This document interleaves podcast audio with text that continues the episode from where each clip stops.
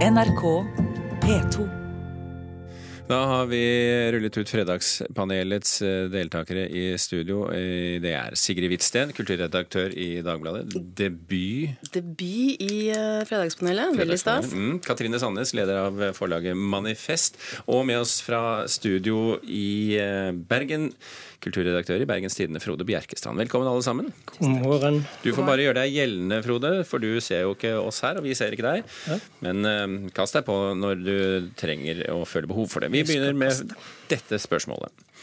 Denne uken fortalte vi om opprøret ved Den Norske Opera og Ballett i Oslo fordi den påtroppende sjefen Annelise Miskemmen ønsker å slutte med faste ansettelser. Sangerne har laget protestside på Facebook hvor de skriver at det norske operamiljøet blir ikke-eksisterende uten faste ansettelser. Og spørsmålet vårt er da, og vi kan begynne med deg i Bergen, Frode, har de rett? Nei. Katrine? Hvem har rett? De ansatte? Ja. Ja. Ja. Frode, du er alternativ i eh, dette svaret. Forklar. Utenfor stemmen, da. Ja. Nei, eh, jeg eh, tror kanskje de overdriver litt. Eh, For det første tror jeg eh, operamiljøet er veldig internasjonalt. Folk er veldig mobile. Eh, Og så aner jeg meg at denne saken egentlig handler om noe helt annet, og det er selvfølgelig penger. Forklar. Jo, altså, nå har det seg sånn at, eh, og det har Annelise Miskimmen oppdaget òg, at hun, eh, det hun får rett i fanget når hun begynner i jobben sin om fire måneder, det er en pensjonsbombe på 1,2 milliarder kroner. Operaen går med dundrende underskudd, og alle røde lys blinker. Og hun blir nok nødt til å se på alle slags mulige avtaler og faste ansettelser når hun begynner denne jobben. Samtidig skal jo sies, det virker litt klønete om hun begynner å, å forhandle særavtaler fire måneder før hun begynner å jobbe. Ja, Hun har vel sine planer. Eh, Katrine, du sa eh, ja. Det er jo helt klart at eh, faste ansettelser er eh, grunnsteinen i eh, menneskers, menneskers opplevelse av trygghet.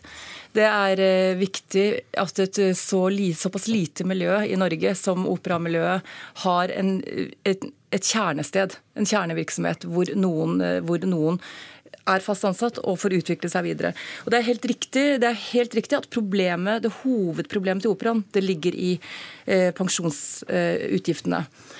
Denne opera, opera og ballett eh, har eh, særskilte problemer fordi avgangsalderen er så tidlig. De, dette må de løse politisk. De må løse det gjennom politiske eh, forhandlinger eh, og få ha med seg politikerne med at de må få en særordning. Og da må, eh, eh, og da må de slutte å si sånne ting som at vi gjør det av kunstneriske hensyn, vi gjør det for at kunsten skal bli bedre. Det er ekstremt provoserende. Eh, Sigrid Hvitsten, eh, vi spurte, stilte altså spørsmålet om, eh, om de har rett i at operamiljøet blir ikke-eksisterende. Og da svarte du ja. Eh, Det vil jo bli eksisterende, men det vil jo kanskje ikke bli like lett å dyrke fram en, eh, solid, et solid ensemble.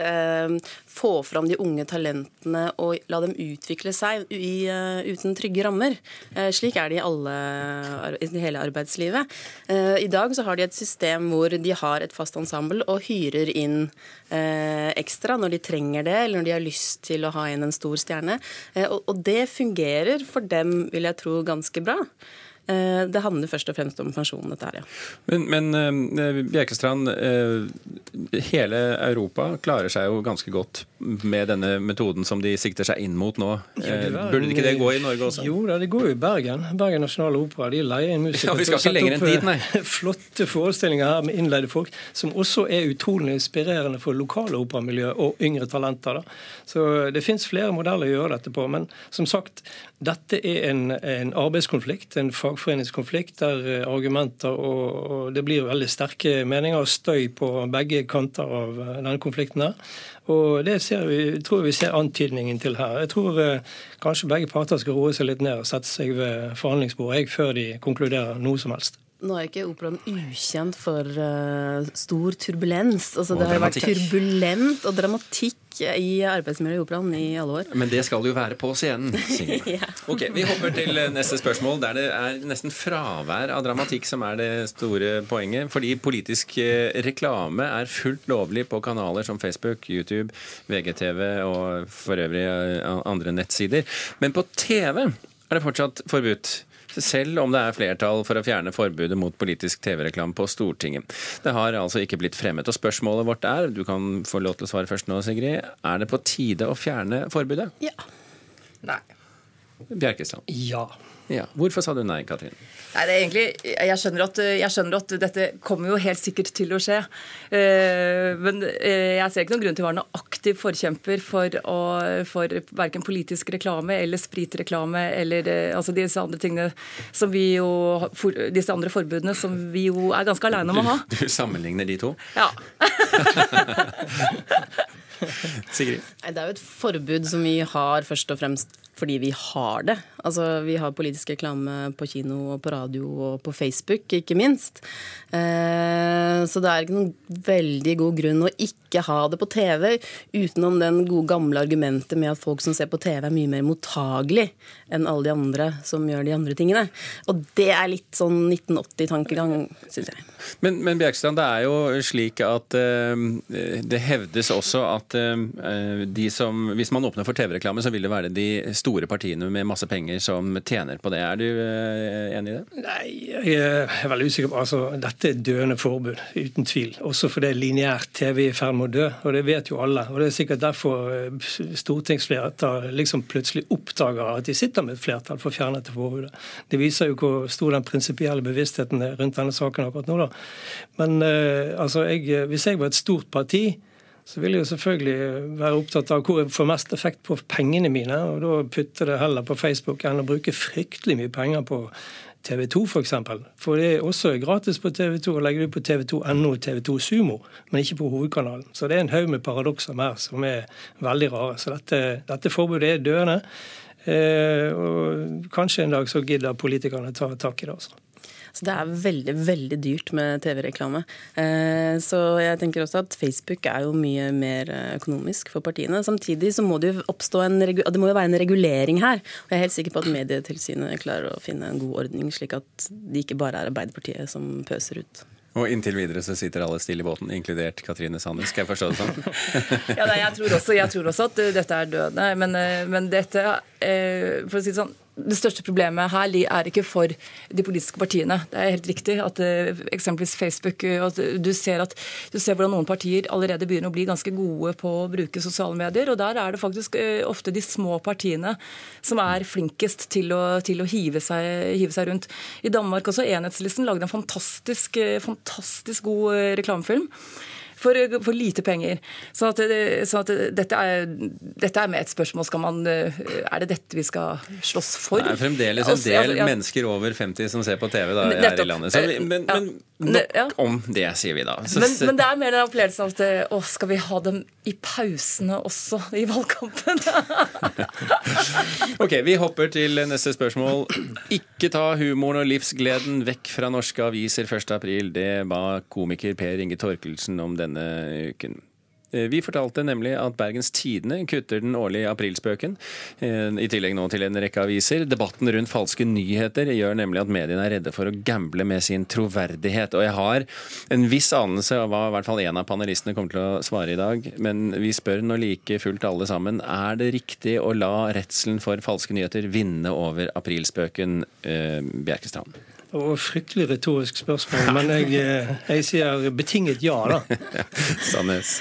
Nei. Hvitsten. Eh, jeg tenker at det kanskje ikke handler så mye om falske nyheter som det handler om hva man ønsker å formidle til eh, leserne sine. Da. At jeg tenker at det er helt riktig å ikke ha aprilspøk, for at man da formidler noe som ikke er riktig. Altså faktisk feil til leserne. Og det er et problem. Men jeg går etter svaret en gang til. fordi Det som er det store problemet her, er ikke det at vi ikke kommer med en vits 1. april. Det store problemet er egentlig at norske medier ikke har så veldig mye humor om dagen. Det er veldig mye som er strigla. Eh, og det er noe vi burde snakke om. Er det der vi er nå, Katrine? Ja, altså, Jeg har jo egentlig aldri syntes at de der aprilspøkene har vært særlig morsomme. For, rett og slett fordi det er for få som, eh, altså det er nesten ingen. Det er årevis mellom at man har en ordentlig god aprilspøk. Så hvis det hadde vært grunnen, eh, grunnen til at man hadde lagt ned Sorry, vi klarer ikke å være morsomme nok. så hadde det vært, Men det å, liksom, det å si at nå er det så mye fake news at nå, at nå legger vi ned aprilspøken, altså, det er ikke der problemet ligger. Så, så, du er enig i at de gjør det, men ikke i argumentasjonen? Ja, de må gjerne, jeg, tenker, jeg tenker at Det som skal bestemme om du skal ha en aprilspøk eller ikke, det er kvaliteten på spøken. Mm, ja. hvor, hvor, hvorfor har dere blitt så humørløse i Bergen? Ja, nei, Vi er jo vittige hele tiden, det vet jo alle. Men uh, det som er poeng, altså, For to år siden så hadde vi en aprilspøk der vi erklærte at uh, Brann stadion etter nå skal hete BT Arena. Bergens Tidende kjøpte opp hele stasen. Vi ble ikke så veldig populære på det akkurat. Mildt, så, var det noen som trodde på det? Nei, det er alltid noen som blir sure og kjefter. Men poenget er at jeg tror ikke aprilspøk har den store mobiliserende effekten lenger. Altså Du får ikke folk ut, gå ut i gatene med bøtter og spann for å hente billig øl på butikken og sånne ting. Eh, så det er vanskelig å konstruere en virkelig sånn god, eh, omfattende spøk for, som omfatter liksom alle. Eh, men det er jo, jeg syns jo dere har rett. Altså det, det, er litt gravalvor over oss for tiden, ja. Men, men, men, argumentet her er jo knyttet til falske nyheter. At det er stadig vanskeligere å, å hegne om troverdigheten når det er så mye uh, usant som kommer uh, frem. Og da er spørsmålet er det et godt argument?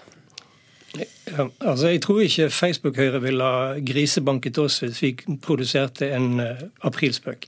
Det er liksom ikke der problemet ligger. da. Ja, hvor ligger problemet, som du ser det? Nei, Det er en helt annen uh, kamp om uh, virkelighetsfremstilling. Om at statistikk og fakta ikke har den samme tyngden lenger. Vitenskap blir dratt i tvil. dette ser vi jo strålende eksempler på nå både i USA og i, i Storbritannia. I veldig store politiske omveltninger. Og det er jo faktisk saker som krever mye gravalvor. da mener jeg. Eh, skjønner du frykten i pressen, Katrine, du som står utenfor?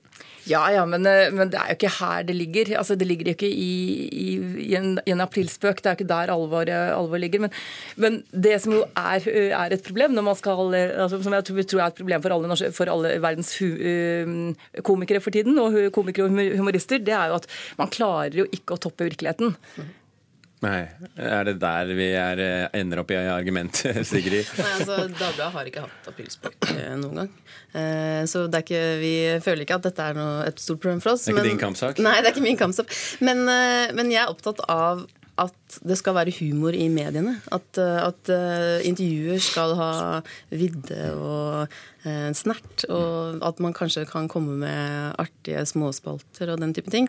Eh, og det Spre... syns jeg er trist at er i ferd med å forsvinne, og vi ja. ser det mye mye mindre og mindre og mindre fordi at alle er så pressa, og da er det ikke humoren som eh, vinner. Spre humoren utover alt, det, er, det var oppfordringen fra dagens fredagspanel. Vi gjorde vårt, men nå er det slutt. Katrine Sandnes, Sigrid Hvitsten og Frode Bjerkestrand, takk for at dere var våre panelister. Thomas Alvarstein Ove Birger Kåss Råsund takker for følget. Hør flere podkaster på nrk.no podkast.